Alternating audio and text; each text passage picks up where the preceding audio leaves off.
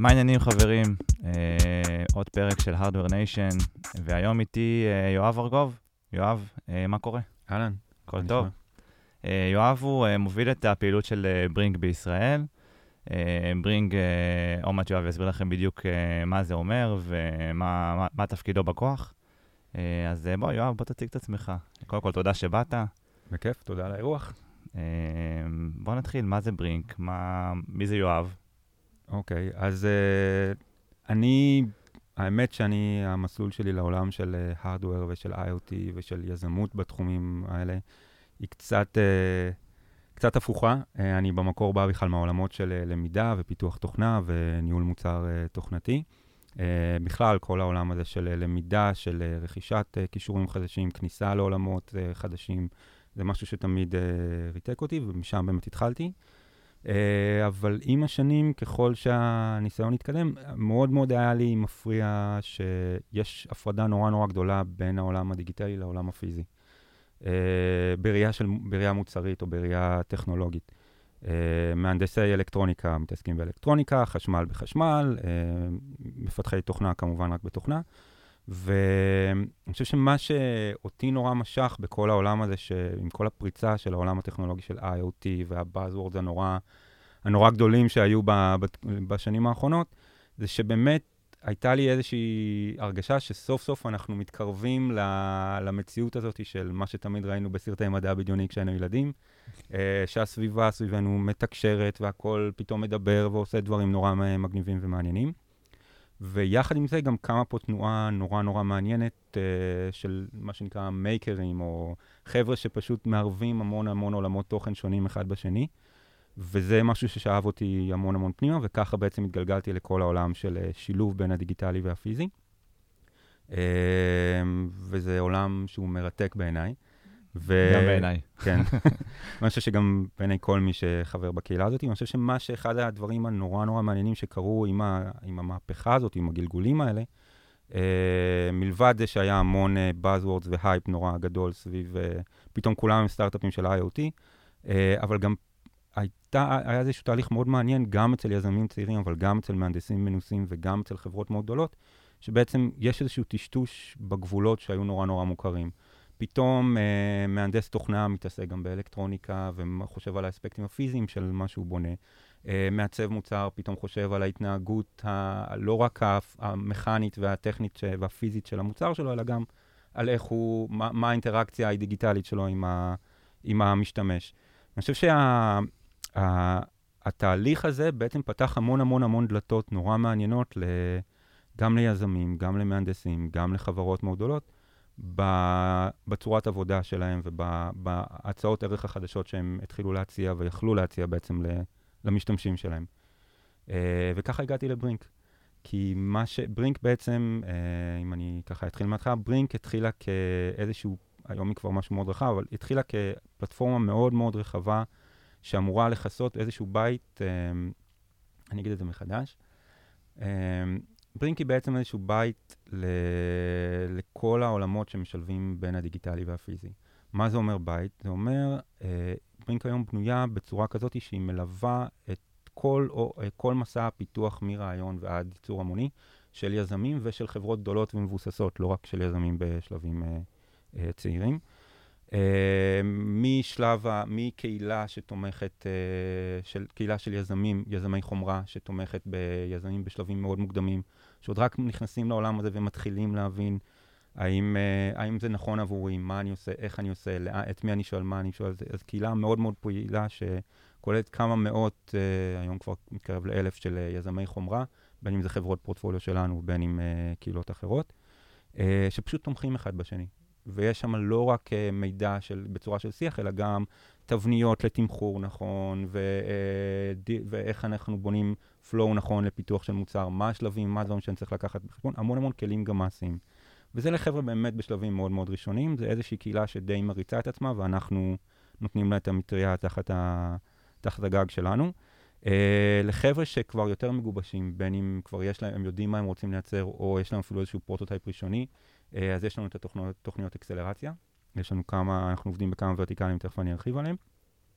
ששם בעצם המטרה היא, א', לבחון את הרעיון גם בצד ה... ה מה הפרוטוטייפ שבנית, או מה הפרוטוטייפ שאתה מעוניין לבנות, ובוא נראה איך אפשר לבנות אותו נכון יותר ומוכוון לייצור המוני, לא רק להוכחת היתכנות ולגייס עוד uh, כספי המשך.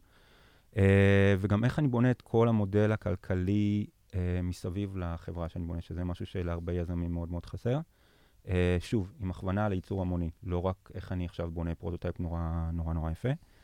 Uh, ולחברות בשלבים מתקדמים יותר, בין אם זה יזמים שכבר פיתחו את הפרוטוטייפ והפרוטוטייפ עובד ורוצים לעבור לייצור המוני, או לחברות מאוד מאוד גדולות ומבוססות, בין אם, אה, בין אם זה חברות תוכנה מאוד גדולות שפתאום מבינות שהן צריכות, רוצות להיכנס לעולמות האלה של חומרה, או אם זה חברות שכבר מייצרות וכבר מוכרות, אבל רוצות לשפר את היכולות ייצור וההפצה שלהם, או להיכנס לשווקים חדשים. אז זה גם איזושהי מטריה מאוד מאוד uh, טובה שאנחנו נותנים. וזה תהליך מרתק. האידיאל הוא שנוכל ללוות יזמים משלב רעיון ועד ההפצה, אבל נכנסים אלינו בכל נקודות הכניסה ובכל uh, צורה ש, שיכולה להיות רלוונטית.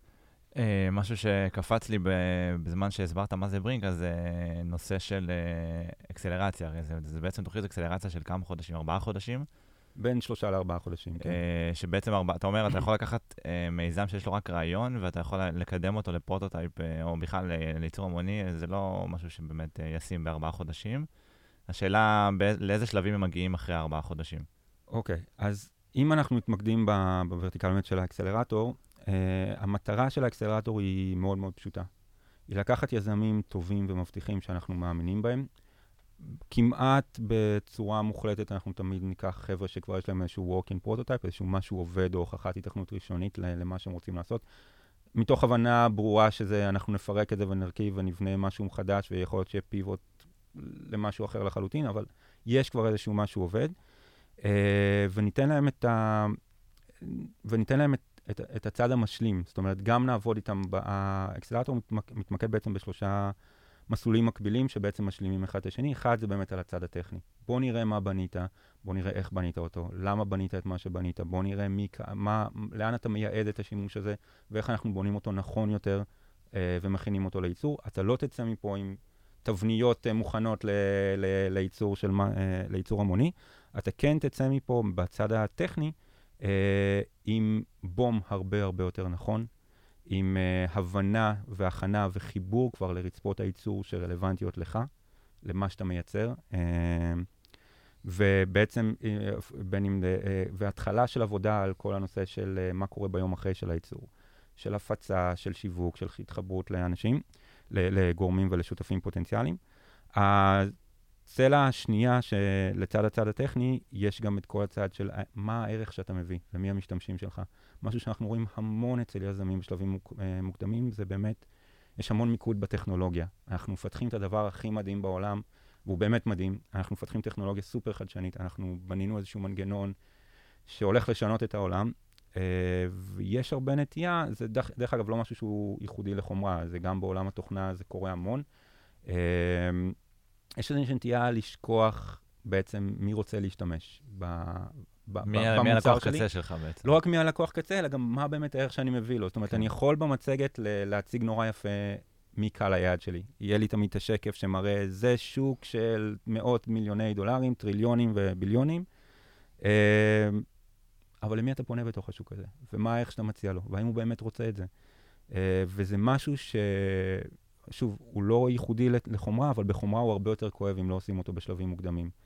Uh, וככל שנעשה את זה בשלב יותר מוקדם, גם עם הפרוטוטייפ שלנו, ככה הסיכוי שהתיקונים הכואבים והיקרים uh, יצטמצמו למינימום. Uh, אז כל הנושא הזה של, של הבנת שוק, של מציאת product market fit נכון, של הבנת ערך נכונה למשתמשים, של, של דיבור עם המשתמשים, זאת אומרת, איך אתה באמת ניגש אליהם, ו- וחלק מהאקסלרטור, מה שעושים זה, אתה ת- תדבר עם עשרות של משתמשים. משתמשים שונים, אנחנו נעזור לך בהגדרה של זה. Uh, והזרוע השלישית, לצד הטכנולוגיה ולצד הערך שהיא מביאה, גם איך אנחנו הופכים את זה לעסק, לעסק, וזה הצד הפיננסי בעצם. איך אתה בונה מערכת תמחור נכונה uh, למוצר פיזי. כי יש נטייה המון, היום להמון יזמים uh, בשלבים מוקדמים להשקיע המון בפרוטוטייפ שלהם. מתוך מחשבה, וזו מחשבה שהיא מאוד מאוד מקובלת בצד התוכנתי, אה, אנחנו צריכים לזוז מהר, ולכן אנחנו כמה שיותר מהר בונים פרוטוטייפ עובד, עם הפרוטוטייפ ועם המצגת הנורא יפה שלנו, הולכים למשקיע, ועל סמך זה מגייסים. הבעיה היא שכל אה, הנושא של התמחור ושל אה, בנייה נכונה של אה, פרוטוטייפ שמוכוון לייצור המוני, יש המון דברים שנוטים לשכוח בצד. כמה באמת יעלה לי לייצר, בין אם זה תבניות או בין אם זה במשהו אחר. כמה, אה, כאילו, מה ההבדלים בין זה שבניתי עכשיו אה, working prototype עם מדפסת תלת מימד וארדואינו, לבין מה שאני הולך לייצר בפועל. מה התקינות הדרושות לזה, איך אני מייצר תמחור נכון, איך אני... אה, בעולם של חומרה במיוחד יש המון עבודה עם ספקי משנה ועם שותפים. איך אני מתמחר את זה בצורה נכונה. עכשיו, לא צריך לרדת עד רזולוציה של, זה נכון, עד, עד רמת השקל, אה, אה, אה, כי דברים משתנים כל הזמן, אבל כן צריך להבין מה המשמעויות של כל דבר, ו, ואיך אנחנו מציגים אותם נכון, ואיך אנחנו מתמחרים אותם נכון. אני חושב שזה מפתח מאוד מאוד מאוד חשוב ליזמי חומרה, אה, במיוחד כשהם הולכים לגייס כסף. כי מה שקורה, אה, וקרנות נורא מפחדות מזה היום, ש... מבטיחים, יש מודלים כלכליים נורא יפים על המצגת ומשקיעים כסף, אבל כשמגיעים למציאות ומגיעים ל, ל, ל, למעבר הזה מפרוטוטייפ ל, לייצור, פתאום יש פער נורא גדול בהערכות שעשינו. Uh, ואנחנו נכווים מזה. זאת אומרת, משקיעים נכווים מזה, היזמים נכווים מזה, זה פתאום יש עוד המון עלויות שלא עלו ולא, uh, ולא חושבו נכון, וככל שמתכננים את זה נכון יותר ומתכוננים לזה נכון יותר, ככה ככה הסיכוי שלך להצליח אחר כך הוא הרבה יותר גדול בצורה מהירה יותר. אמ, אז נכון שאתה לא תצא עם מוצר עובד בסוף האקסלרטור הזה, אבל אתה כן, א', תדע שיש לך שוק שמחפש את המוצר שלך, תדע שהפרוטוטייפ או ההכוונה לייצור שלך היא נכונה, היא מהודקת, היא, היא, היא מיטבית, לפחות לשלב שאתה נמצא בו עכשיו, uh, ותדע שיש לך את המודל הכלכלי שתומך בזה לא רק כדי להגיע למוצר העובד, אלא גם לייצור ההמוני, להפצה, למכירות שלו, לשיווק שלו. אה, אז זאת בעצם המטרה של האקסלרציה. כשבעצם אתה, כשאתה רוצה להגיע למשקיע, אתה משקיע, מגיע אליו עם איזשהו פרוטוטייפ שעובד, עם איזושהי קהילה אולי ראשונית, early birds כאלה שהשתמשו כבר במוצר ויש לך איזשהו פידבק מהלקוח, כי כשאתה תגיע למשקיע, עם, רק עם רעיון או רק עם מצגת, כמו שאתה אומר, זה לא באמת אה, יעבוד ואתה תגייס את סכומים הרבה יותר נמוכים, לעומת אם יש לך פרוטוטייפ עובד ו... ו- ו- וקהל יעד שכבר אה, השתמש במוצר שלך או, או באותו אף טיפוס. אז אני רוצה שנייה לשנות את הצורת מחשבה, כי אני לא חושב שזה נכון לבנות את מה שאתה בונה ולתכנן את, ה- את התוכניות שאתה מתכנן לפי מה שמשקיעים ירצו לראות. Uh, פשוט תבנה מוצר טוב. שמישהו רוצה להשתמש בו, שמביא ערך למישהו וש, ושהוא נכון. כן, ותביא גם את המשתמשים הראשונים. זה, זה, זה כמובן, המשתמשים הראשונים יותר כדי באמת לראות מה שצריך, אבל אני חושב שכל הגישה לא צריכה להיות איך אני בונה מצגות נכון עבור נכון. המשקיעים, אלא איך אני באמת בונה מוצר נכון. על סמך זה קל נורא אחר כך לבנות את המצגת למשקיע, וגם משקיעים יאמינו לך כי אתה מדבר אמת. אמ, וגם משקיעים הם חכמים, הם לא, הם, הם לא צריכים שתמכור להם מצגות, הם צריכים ש... פשוט תבנה מוצרים טובים שהם מאמינים, ושהם בעיקר מאמינים בך. אה, כן, יש, יש גם הבדל די גדול שאתה מראה משהו אה, מוחשי למשקיע, לעומת שאתה מראה לו מצגת, או איזה רעיון אה, נחמד, או איזה... זה תמיד נכון, זה תמיד נכון. אה, צריך תמיד, תמיד, בעולם של תוכנה זה קצת יותר קל, כי לבנות מוקאפים או דמואים, או אפילו אפליקציות שעובדות בצורה מהירה וזולה, זה קל יחסית. בעולם של חומרה, אז כן צריך שנייה להבין, כשאני בונה פרוטוטייפ, מה... מה הפרוטוטייפ הזה באמת משדר וכמה הוא קרוב למציאות, אה, איזה פיצ'רים אני מכניס בו ואיזה פיצ'רים אני לא מכניס בו, אה, ואיך בעיקר, בעיקר הוא רלוונטי לטסטים עם המשתמשים שלי. אה, פחות איך, איך המשקיע יחזיק אותו ביד. ועל סמך התובנות שתקבל מהמשתמשים, ועל סמך התובנות שתקבל מתהליך הייצור של הפרוטוטייפ והמשחק והאיטרציות המאוד מהירות שאתה יכול לעשות היום, עם, עם, עם ציוד שהוא הרבה יותר נגיש משהיה בעבר, אה, משם תוציא אחר כך את, המשק... את המצגת משקיעים, את, ה... את התוכנית העסקית וכל מה שצריך. אז, אז, אז מה שאני רוצה להגיד זה בעצם פחות להתמקד במה המשקיע רוצה לשמוע, ויותר באיך בונים מוצר נכון, לא רק טכנולוגית, אלא בכלל מה החוויה שאתה מעניק למשתמש שלך, בין אם זה משתמש קצה ובין אם זה corporate או חברה או משהו אה, עסקי, זה, זה, זה לא משנה. אה, וכל השאר יסתדר בהתאם. זאת אומרת, זה, זה, להיות, זה צריך להיות מה שמוביל את, ה, את, ה, את הרוח של מרעיון לפרוטוטייפ ואחר כך גם למוצר. כן. עכשיו, יש כל מיני סוגי תוכניות, סוגי תוכניות של אקסלרציה. יש כאלה שאתה משלם להם בכניסה, ואז אתה, הם לא לוקחים אחוזים, יש כאלה שלוקחים אחוזים, יש... איך זה עובד ב Brinc? אז Brinc בעצם היא עובדת בצורה כזאת. אחרי, אני אספר קצת על כל התהליך. מי שניגש, אה, אנחנו מקבלים מאות וכבר קרוב לאלפים לכל, אה, של פניות אה, למחזורים השונים. בדרך כלל מבחינת אחוזים, סביב 30 אחוז מתוך הפניות עוברים את הסינון הראשוני, ואז הם נכנסים איתנו, זאת אומרת, אנחנו עושים איזשהו תהליך דו דיליג'נס מאוד מאוד מאוד מאוד היי-לבל, מאוד מאוד ראשוני, לראות בכלל שהמוצר יש לו את ההיתכנות ואת מה, שאנחנו, מה שמעניין אותנו, ושהיזמים זה יזמים ש, ש, שאנחנו סומכים עליהם ו, ו, ורוצים לתת להם את הדחיפה. Uh, בערך 30 אחוז uh, עוברים את השלב הזה ומתחילים איזשהו תהליך uh, של חודש של דו דיליג'נס קצת יותר מעמיק, אבל הוא קצת ייחודי גם במובן שהוא הדדי. מה זה אומר? אנחנו עושים את הבדיקות היתכנות שלנו. Uh, גם בצד הטכני, גם בצד של השוק, גם בצד הכלכלי, גם בצד של הבדיקות של היזמים. אבל במקביל גם היזמים עוברים איתנו איזושהי התחלה של תוכנית אה, חינוכית של, של בואו תתחילו לעשות איזשהו, אה, איזשהו פינג פונג איתנו של פיתוח וש, של הרעיון ושל הידוק של המוצר ושל הידוק של מה שאתם עושים, ככה שגם מי שלא עובר את השלב הזה של החודש, עדיין יוצא עם איזשהו ערך כתודה על הזמן שהוא השקיע בנו, ואנחנו השקענו בו. אה, אחרי שעוברים את החודש הזה, בגלל זה אמרתי שהתוכנית שלה היא לא בדיוק שלושה חודשים והיא לא בדיוק ארבעה חודשים. סך הכל זה מסלול של ארבעה חודשים, שהחודש הראשון הוא איזשהו תהליך של עוד איזשהו סוג של סינון. Uh, מתוך, uh, אני חושב שבדרך כלל אנחנו עומדים היום על אחוזים של בערך 4.2 אחוזים של קבלה מתוך כל המועמדים. מתוך כל אלה שעברו איתנו את התהליך של החודש, אנחנו בעצם בוחרים את, ה, את אלו שנכנסו לתוך המסלול, שאז זה באמת שלושה חודשים מאוד מאוד אינטנסיביים. אה, שאפשר לבצע אותם מכל מקום בעולם, אתה לא צריך להיות באיפה שהאקסלרטור נמצא, אני תכף אדבר גם איפה האקסלרטורים שלנו ממוקמים היום. אה, ששם באמת אתה עובר את כל התהליך שדיברתי עליו קודם, של ההידוק של הרעיון, של ההידוק הטכנולוגי, של ההידוק הפיננסי, אה, של הכנה למה הצעד הבא. זאת אומרת, חוץ מזה שאנחנו הולכים לייצור ואיפה מייצרים והפצה והכל, איך אנחנו, מי המשקיעים הרלוונטיים, איזה שותפויות אסטרטגיות אנחנו רוצים. זאת אומרת, אחד הערכים שאתה יכול להפיק באקסלרטור, הוא לא רק בהשקעה הכלכלית הראשונית, אלא הוא גם ב, בשותפים האסטרטגיים שמחוברים לכל העולם הזה. לפעמים זה שווה הרבה יותר מההשקעה שאתה מקבל. הרבה פעמים, זה, אם זה שותפים נכונים, זה שווה יותר מההשקעה שאתה מקבל. אז קצת לגבי המודל הכלכלי, מה בעצם היזם מקבל מלבד התוכנית שהוא עובר. Uh, התוכנית שאתה עובר בעצם היא, כמו שאמרתי, שלושה חודשים, היא יכולה להתבצע מכל מקום בעולם, למעט חודש אחד שלפחות אחד מהיזמים צריך להיות במקום שבו התוכנית מתקיימת, בין אם זה בהונג קונג, פולין, uh, בחריין פחות רלוונטי לישראלים, uh, הודו עכשיו יש, ו- ופותחים עכשיו עוד שני מקומות שאני מקווה שנוכל לספר עליהם בקרוב. Uh, כדי לפתוח uh, ישות מקומית שמה. זה לא במקום החברה הישראלית שהקמת, אלא בנוסף.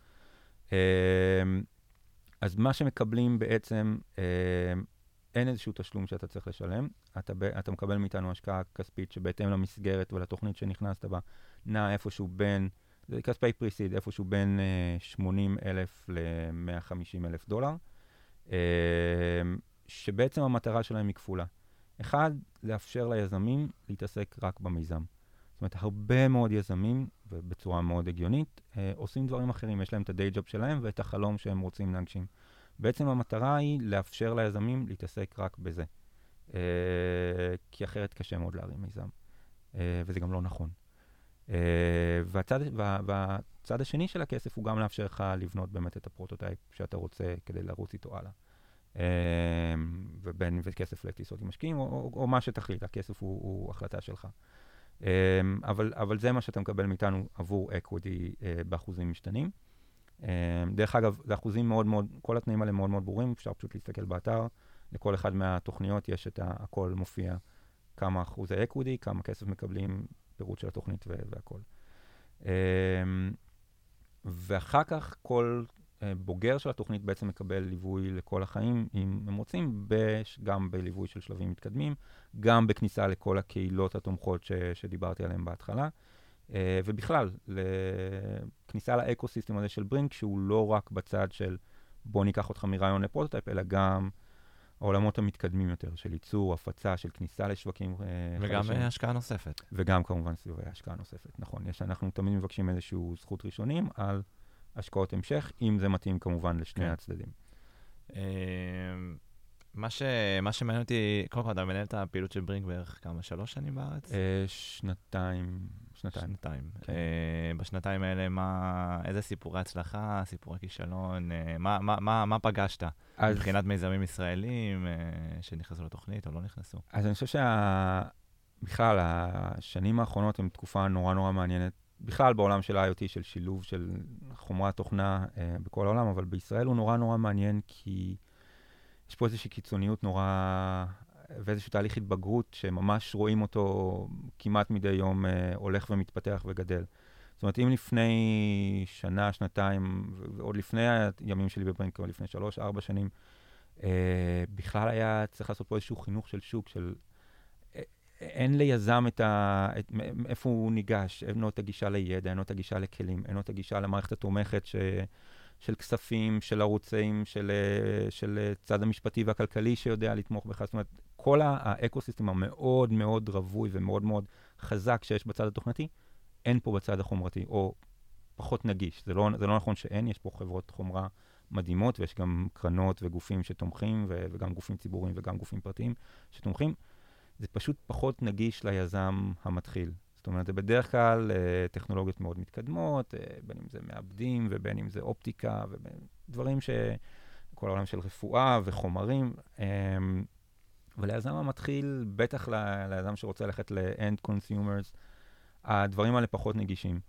אה, אז הרבה מהעבודה בהתחלה הייתה בכלל בשיחות, אפילו עוד לא קבלה לאקסלרטור, בשיחות גם יזמים וגם עם משקיעים נוספים וגם עם שותפים ומשרדי עורכי דין ומשרדים ממשלתיים, על בכלל מה זה העולם הזה ולמה כל הסיפורי זוועות והפחד של, אה, של קרנות או של גופים בתמיכה בדברים כאלה, אה, היא משתנה.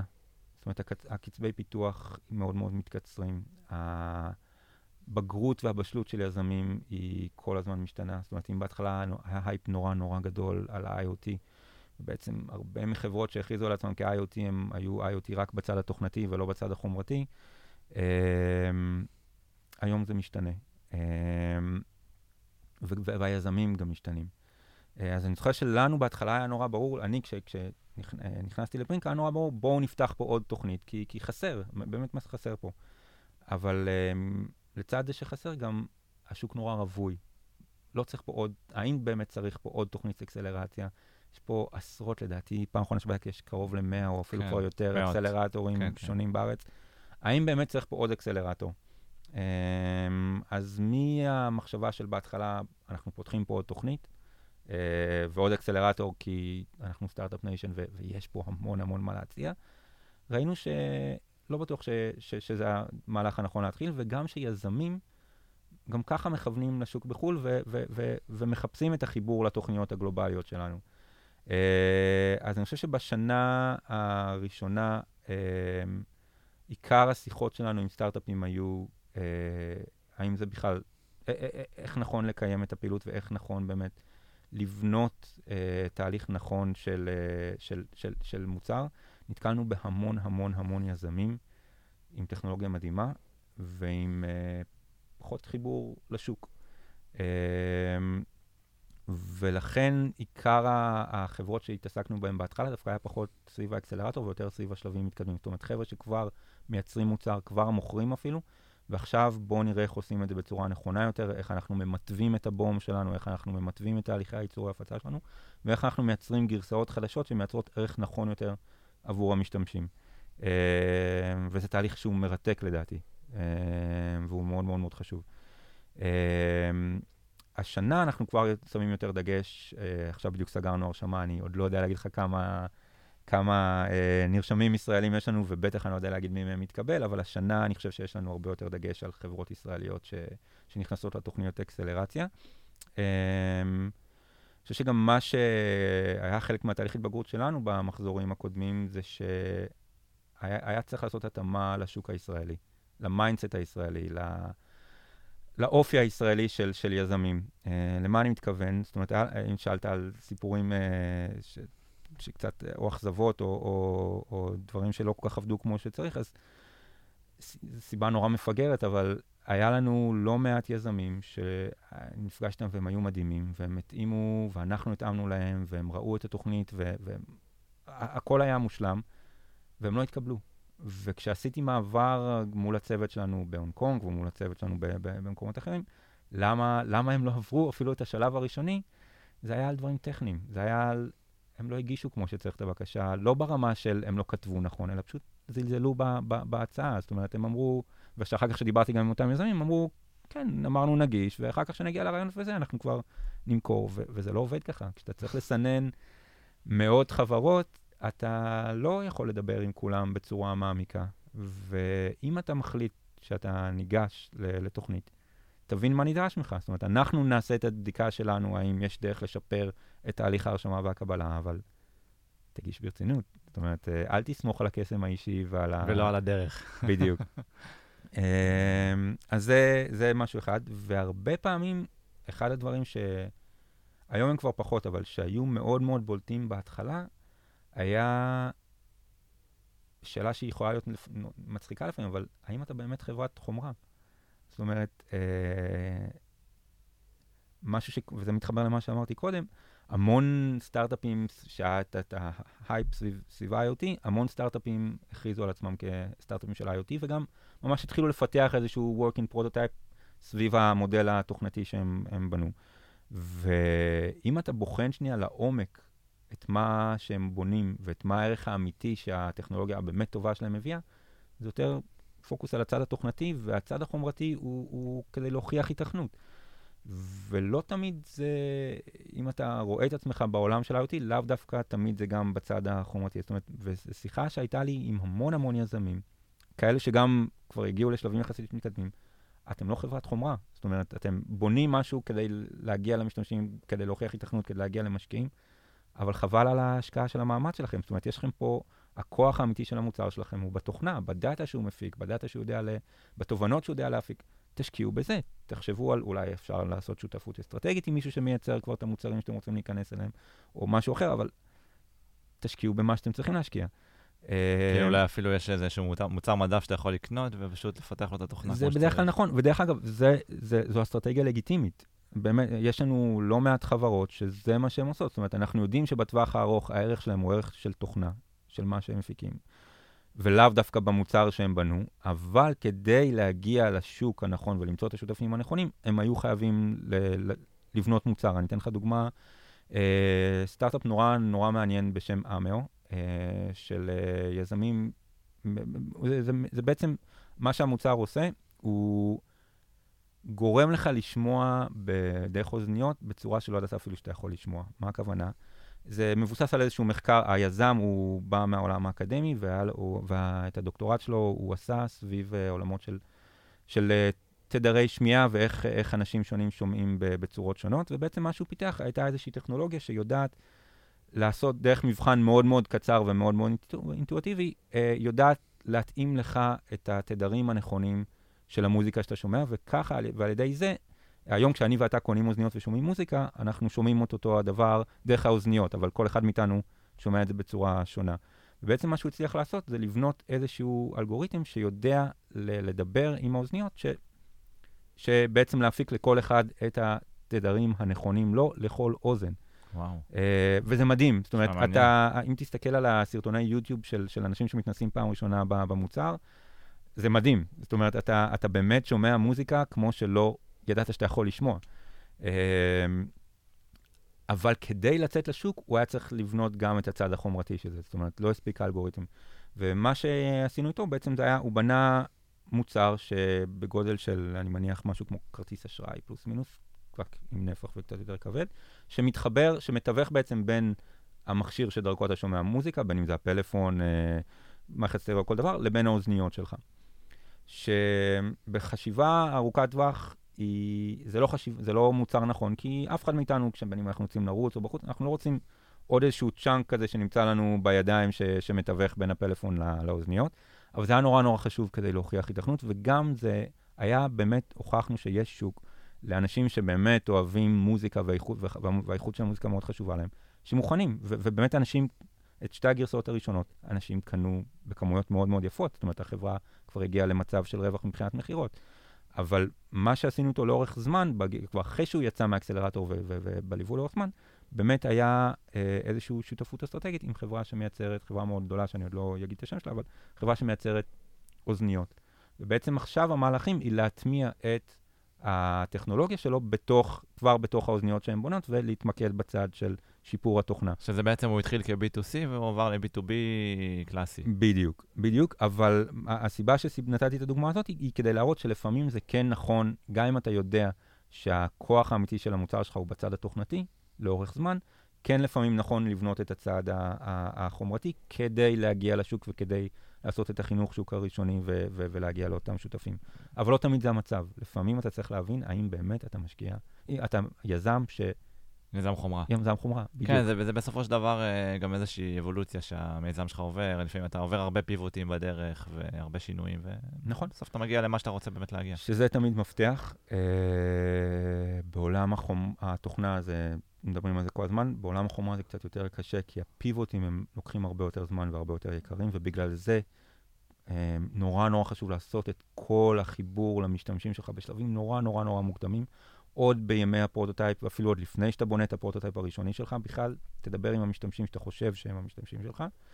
אמ, ותרוץ מהר ותעשה איטרציות מאוד מהירות, כדי שתגיע באמת לעולם של ייצור, אתה, אתה תייצר נכון. אתה עדיין, תמיד יהיו עוד גרסאות, יש את הגרסה הראשונה והשנייה והשלישית, ואתה כל הזמן תשתפר ותעשה, אבל אמ, ככל שתקדים להבין את העולם המשלים לצד הטכנולוגי, שזה חוויית משתמש, שזה המודל העסקי, שזה כל מה שדיברנו עליו קודם, ככל שתטמיע את זה בשלבים מוקדמים יותר ותבין לאן אתה מכוון, ככה גם מה שאתה בונה יהיה מהודק ונכון יותר. כן, והפיבוטים יהיו פחות כואבים. בדיוק, בדיוק. Uh, וואו, זו הייתה שיחה ממש מעניינת, היינו יכולים להשליך פה עוד שעה נראה לי. uh, מה, מה, מה, בוא, בוא נדבר קצת תוכניות לעתיד של ברינג, uh, מה האתגרים, uh, ובכלל, מה החזון. אז ברינק, הדרך שבה אנחנו עובדים היום בכל מדינה שאנחנו, או בכל קרן שאנחנו פותחים, יש היום כמה קרנות ש, שיושבות במקומות שונים. דרך אגב, הקרנות היום, אנחנו משקיעים, יש לנו ארבע סוגים של תוכניות, אם אנחנו חוזרים לעולם של האקסלרציה.